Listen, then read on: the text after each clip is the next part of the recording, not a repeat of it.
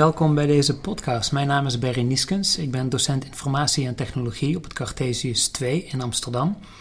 Dat is een nieuwe VWO-school met een eh, heel eigenzinnig onderwijsconcept. En daar ligt ook gelijk de reden voor het opnemen van deze podcast, waarvan je nu dus naar aflevering 0 luistert, zoals de echte informaticus betaamt. Beginnen we met 0. Ehm, deze aflevering is bedoeld als een soort van introductie, waarin ik uh, je wil uitleggen waarom ik deze podcast uh, wil opnemen. Ik ben op dit moment zo'n 15 jaar werkzaam in het onderwijs. De eerste 12 jaar daarvan was ik groepsleerkracht in het basisonderwijs. Daarna heb ik de overstap gemaakt naar het voortgezet onderwijs. En de afgelopen drie jaar heb ik op het Hyperion Lyceum in Amsterdam Noord gewerkt als docent Lifestyle Informatics. En daar gaf ik in de onderbouw van het VWO. Um, nou, je, kan het, je kan het allemaal scharen onder digitale geletterdheid. Dus mediawijsheid, informatievaardigheden, programmeren, robotica, um, 3D tekenen, design. Um, en afgelopen jaar.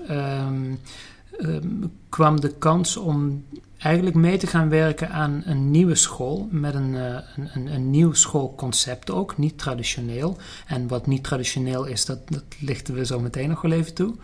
Um, en deze podcast is eigenlijk bedoeld dus om iedereen die maar wil op de hoogte te houden van het reilen en zeilen binnen zo'n nieuwe school.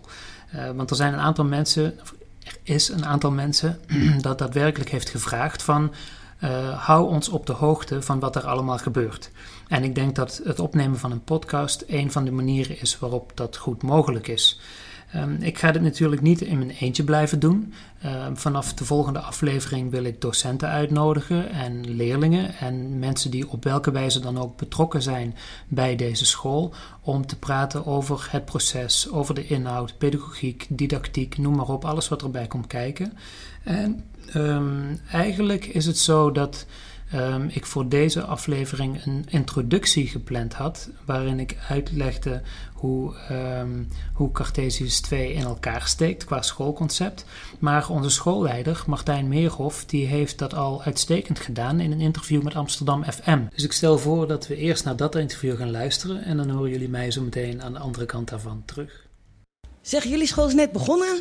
Ja, 2,5 weken draaien we nu. Hoe gaat het? Uh, hartstikke leuk, hectisch. Uh, we zijn begonnen met lessen, maar we zijn ook nog bezig met allerlei praktische zaken. Het gebouw. Uh, nou ja, goed, we, het is heel erg leuk. Het, het, kost heel veel energie. We werken allemaal heel erg hard. Maar het draait gewoon. We zijn begonnen. Het is ongelooflijk. Dus uh, ja, hele mooie eerste weken. Ja, en hoe zijn jullie zo hierbij gekomen? Ja, dat, dit ehm, project zit al wat langer in de, in de pijpleiding. Het Cartesius Lyceum is een, eh, een hele populaire school. Uh, al een tijd, al een aantal jaren, met ontzettend veel overinschrijvingen ieder jaar. Um, en vorig jaar, of eigenlijk al twee jaar geleden, kwam bij ons de vraag om uh, capaciteit uit te breiden op die school. Nou, in dat gebouw was dat niet mogelijk.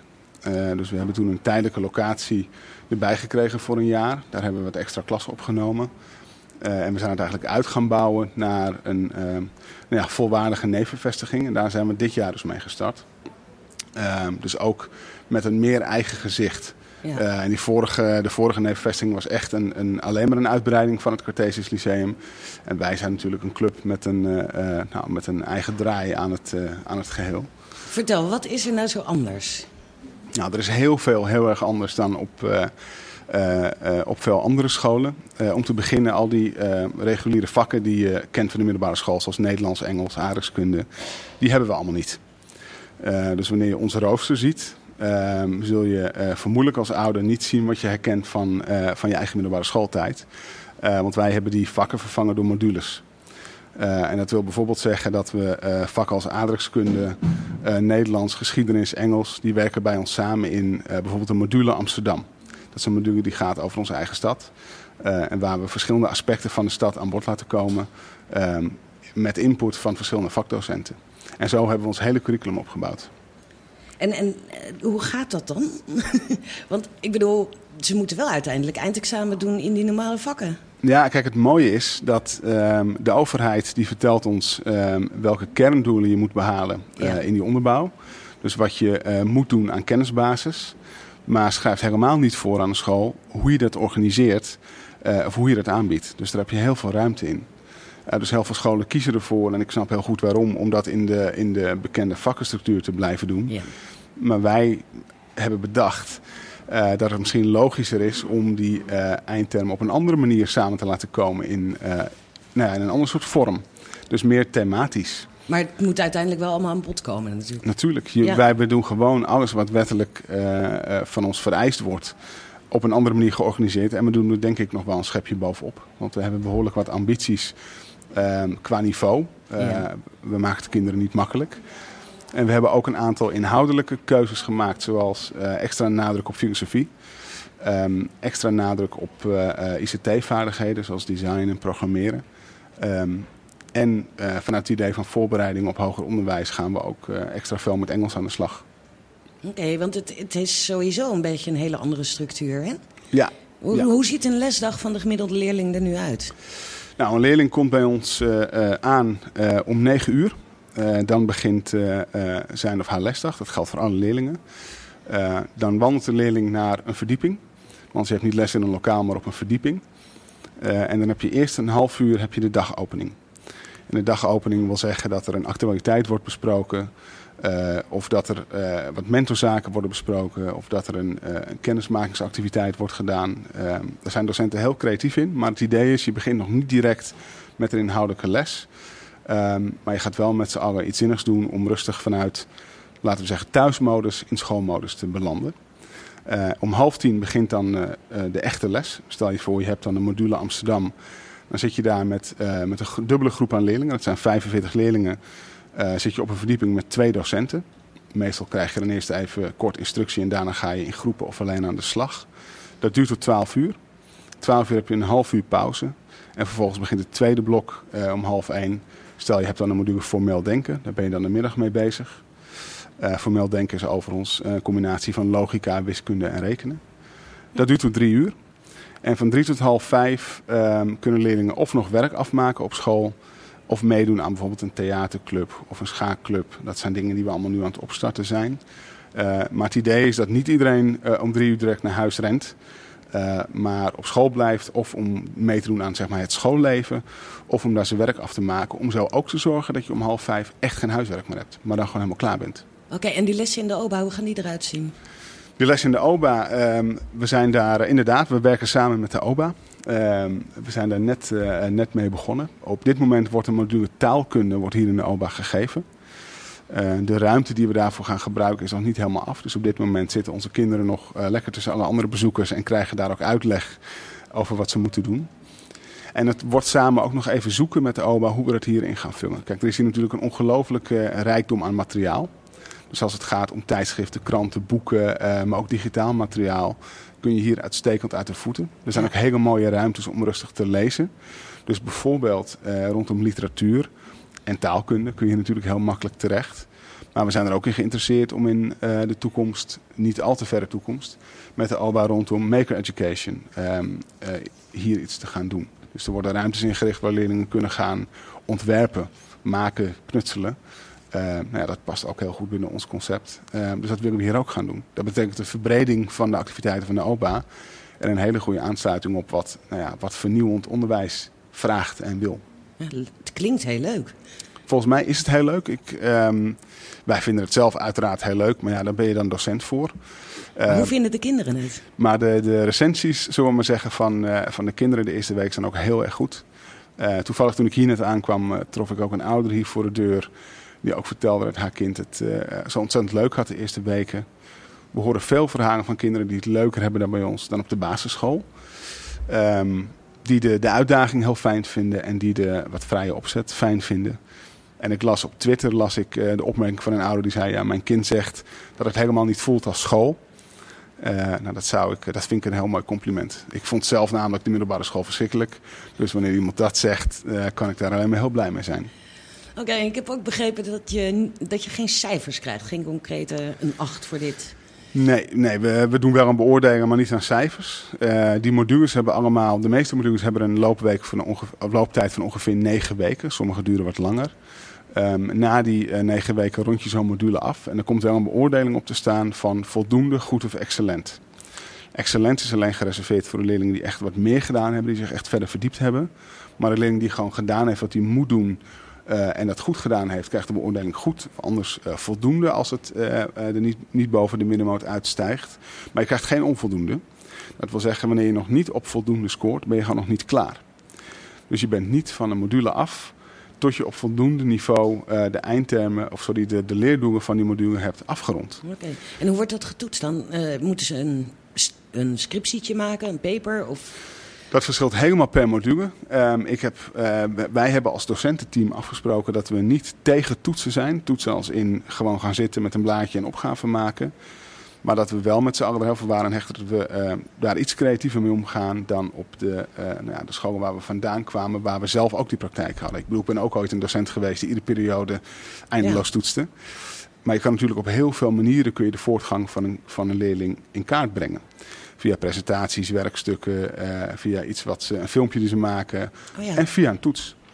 Maar iedere docent heeft in zijn module uh, een aantal van dat soort momenten in een periode ingebouwd, waardoor het nooit afhangt van één moment. Okay. Dus het is niet negen, uh, negen, weken lang les, één toets en daarmee staat of valt het. We zijn altijd gedurende de periode via formatieve toetsing, zoals het heet, zijn we al in de gaten aan het houden hoe het zit met de voortgang van, van een leerling. Oké, okay, dus stel um, je bent aan het eind van het jaar en je bent niet klaar. Je hebt, of, of ja, er hangt er nog eentje open van een half jaar geleden die ja. nog steeds niet voldoende is. Ja. Hoe gaan jullie daarmee om? Kan je dan gewoon door naar het volgende jaar? Ja, je kunt bij ons niet blijven zitten. Um, omdat we met die modulestructuur werken, um, ja. kun je uh, modules niet voldoende afronden en dan heb je nog wat te doen. Dat betekent dat je ofwel in de weken na die module nog extra werk krijgt. Als dat dan nog niet lukt, hebben we aan het eind van het jaar hebben we de deficiëntiedagen. Dat zijn dagen waarin je volledig nog moet werken aan iets wat je niet af hebt. En als je, dat, als je het dan nog niet voor elkaar krijgt, dan zul je het jaar daarna die module over moeten doen. Ja. Dat kan wel een probleem opleveren. Want als je taalkunde 1 niet hebt afgerond, mag je taalkunde 2 niet volgen. Dat is eigenlijk het systeem wat we van de universiteit ook kennen. Maar het wil dan nog niet zeggen dat je het hele eerste jaar over doet. Je doet alleen die modules over die je niet behaald hebt. Okay. Dus je kunt wel vertraging oplopen. En als je het heel bond maakt, kun je natuurlijk ook wel een jaar vertraging oplopen. Maar het hoeft niet. Als je in nee, twee precies, of drie dingen niet kan goed bent... Die andere modules, die heb je wel allemaal af. Dus Precies. daar kan je wel mee Kun je door. gewoon mee doorgaan. Dan kun je in de volgende ja, fase. Ja, ja, ja. Dat is een van onze eerste wensen, merkte ik toen we als docententeam bij elkaar kwamen. Is dat we allemaal elkaar heel snel vonden in dat zitten blijven, daar moeten we toch echt vanaf. Ja. Dat, dat werkt niet. Nee, het is ook zo doodzonde als iemand met maar een half puntje te weinig dan... Precies. En als je nou in vijf vakken wel ontzettend goed bent, ga je dan op die drie en een heel jaar over doen. Het werkt ook niet motiverend voor leerlingen. Nee, en als je het niet kan, dan kan je het niet. Nee, ja. dat is ook... Ja. Dan kan je bij jullie ook een beetje een richting kiezen? Uh, nou ja, we, we, ja. Uh, in die zin dat we... Um, we hebben voor het eerste jaar een redelijk strak programma. Dat is ons vertrekpunt. Ja. Uh, maar daarbinnen kun je uh, zelf een aantal keuzes maken. Dus we beginnen in jaar 1 met het aanbieden van keuzeprojecten en keuzemodules. Okay. In jaar 2 en 3 wordt dat steeds wat meer. Um, en we laten zelfs de mogelijkheid open om leerlingen vrijstelling te verlenen voor het volgen van bepaalde modules. Als zij een vergelijkbare activiteit van hetzelfde niveau doen. En dat zal niet in het eerste jaar spelen. Maar ik heb in het verleden wel eens meegemaakt dat leerlingen bijvoorbeeld aan de universiteit een module gingen volgen. Nou, bij ons zou dat kunnen betekenen dat je dat niet per se bovenop hoeft te doen. Maar dat je bij ons vrijstelling kan krijgen voor een module. Um, en dat je dan de universiteit die module gaat doen. Oké, okay. en dan bijvoorbeeld, ik, ik weet dat dat inderdaad bestaat voor sommige talen en dergelijke. Dat zou vertalen ja. kunnen, maar ja, je zou ook inleiding geschiedenis. Uh, ja. bedoel, gemiddeld propenduizenvak, uh, daar mag je gewoon bij aanschuiven. Um, en wij moeten dan natuurlijk gaan kijken hoe we dat voldoende, hoe we dat afsluiten, zodat je het niveau ook borgt. Ja. Uh, maar we willen juist dat soort paden mogelijk maken voor leerlingen die iets anders willen of iets eigens willen. Dus we vertrekken vanuit een strakke structuur, dat vinden we ook belangrijk. Maar de ruimte wordt vervolgens gemaakt voor leerlingen die daarom vragen. Ja, en ik neem aan dat naarmate ze ouder worden, ze daar ook meer om gaan vragen. Precies. Maar hebben jullie nu alleen brugklassers? We hebben alleen brugklassen. We beginnen van onderaf aan. Oké. Okay. Uh, dus we zijn nu met 88 uh, uh, hele lieve kinderen begonnen. Um, en dat hebben we ook uh, bewust gedaan, omdat we natuurlijk per jaar ons curriculum moeten blijven ontwikkelen. We hebben nu voor drie jaar hebben we um, een schets staan van wat we gaan doen. En we hebben ook al een eerste idee van de bovenbouw. Maar het echte diepte ingaan doen we nu per jaar. Uh, dus wij kunnen op dit moment helemaal niet uh, qua tijd het ons permitteren om tweede en derdejaars leerlingen aan te gaan nemen. Want er zit nog heel veel ontwikkelwerk voor ons aan te komen. Ja, precies. En, en natuurlijk ook de eindexamenonderwerpen veranderen elke keer op uh, geschiedenisvlak en weet ik wat. Ja. Dus daar moet je ook nog mee meelopen. Dat moet je ook helemaal nog ontwikkelen. Natuurlijk. En al tegen de tijd dat wij in de bovenbouw aankomen, uh, gaan we ook wel echt een deel van ons tijd gaan besteden aan teaching to the test. Gewoon examenvoorbereiding. Ja. Dus die, uh, die modulaire opbouw van die onderbouw gaan we niet uh, 100% op die manier volhouden in de bovenbouw. Omdat je ook gewoon de vaardigheid van het maken van examens in de vingers moet krijgen. Precies, zonder luistertoetsen en dingen ga je ze Als je dat niet oefent, ga je ze niet halen. Nee, maar dat neemt niet weg dat je je best zou kunnen voorstellen dat je een thema als verlichting, wat misschien bij geschiedenis en bij Nederlands en bij filosofie aan bod komt, ook gewoon in een module verlichting kunt behandelen. Ja. Uh, de beter is de efficiënter bezig. En ten tweede is het ook vanuit hoe leerlingen leren, is dat natuurlijk veel logischer. Dat kun je ook in de bovenbouw doen. Uh, maar daar vul je het alleen aan uh, met examentrainingen.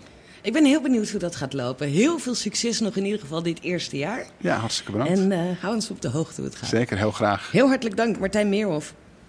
Ja, Martijn Meerhof, schoolleider van Cartesius 2. Ik denk dat dat een hele goede introductie was in het schoolconcept van uh, Cartesius 2 en uh, hoe wij hier dingen gaan aanpakken in de komende jaren. Ik zou het heel fijn vinden als je voor de volgende aflevering weer incheckt, want dan is mijn collega docent Jasper Bekkering te gast. En ik heb zo'n donkerbruin vermoeden dat hij de vaste tafelheer van deze podcast gaat worden. En dan praat ik met hem over uh, zijn vakgebied, filosofie, hoe dat een plaats krijgt in uh, het schoolconcept van Cartesius 2. En we gaan waarschijnlijk ook wat verder in op het werken in modules, eh, op het werken zonder cijfers uh, en het werken in dagdelen in plaats van losse uren. Uh, en allemaal dat soort relevante zaken die met het schoolconcept te maken hebben. Dus heel graag tot de volgende keer en bedankt voor het luisteren.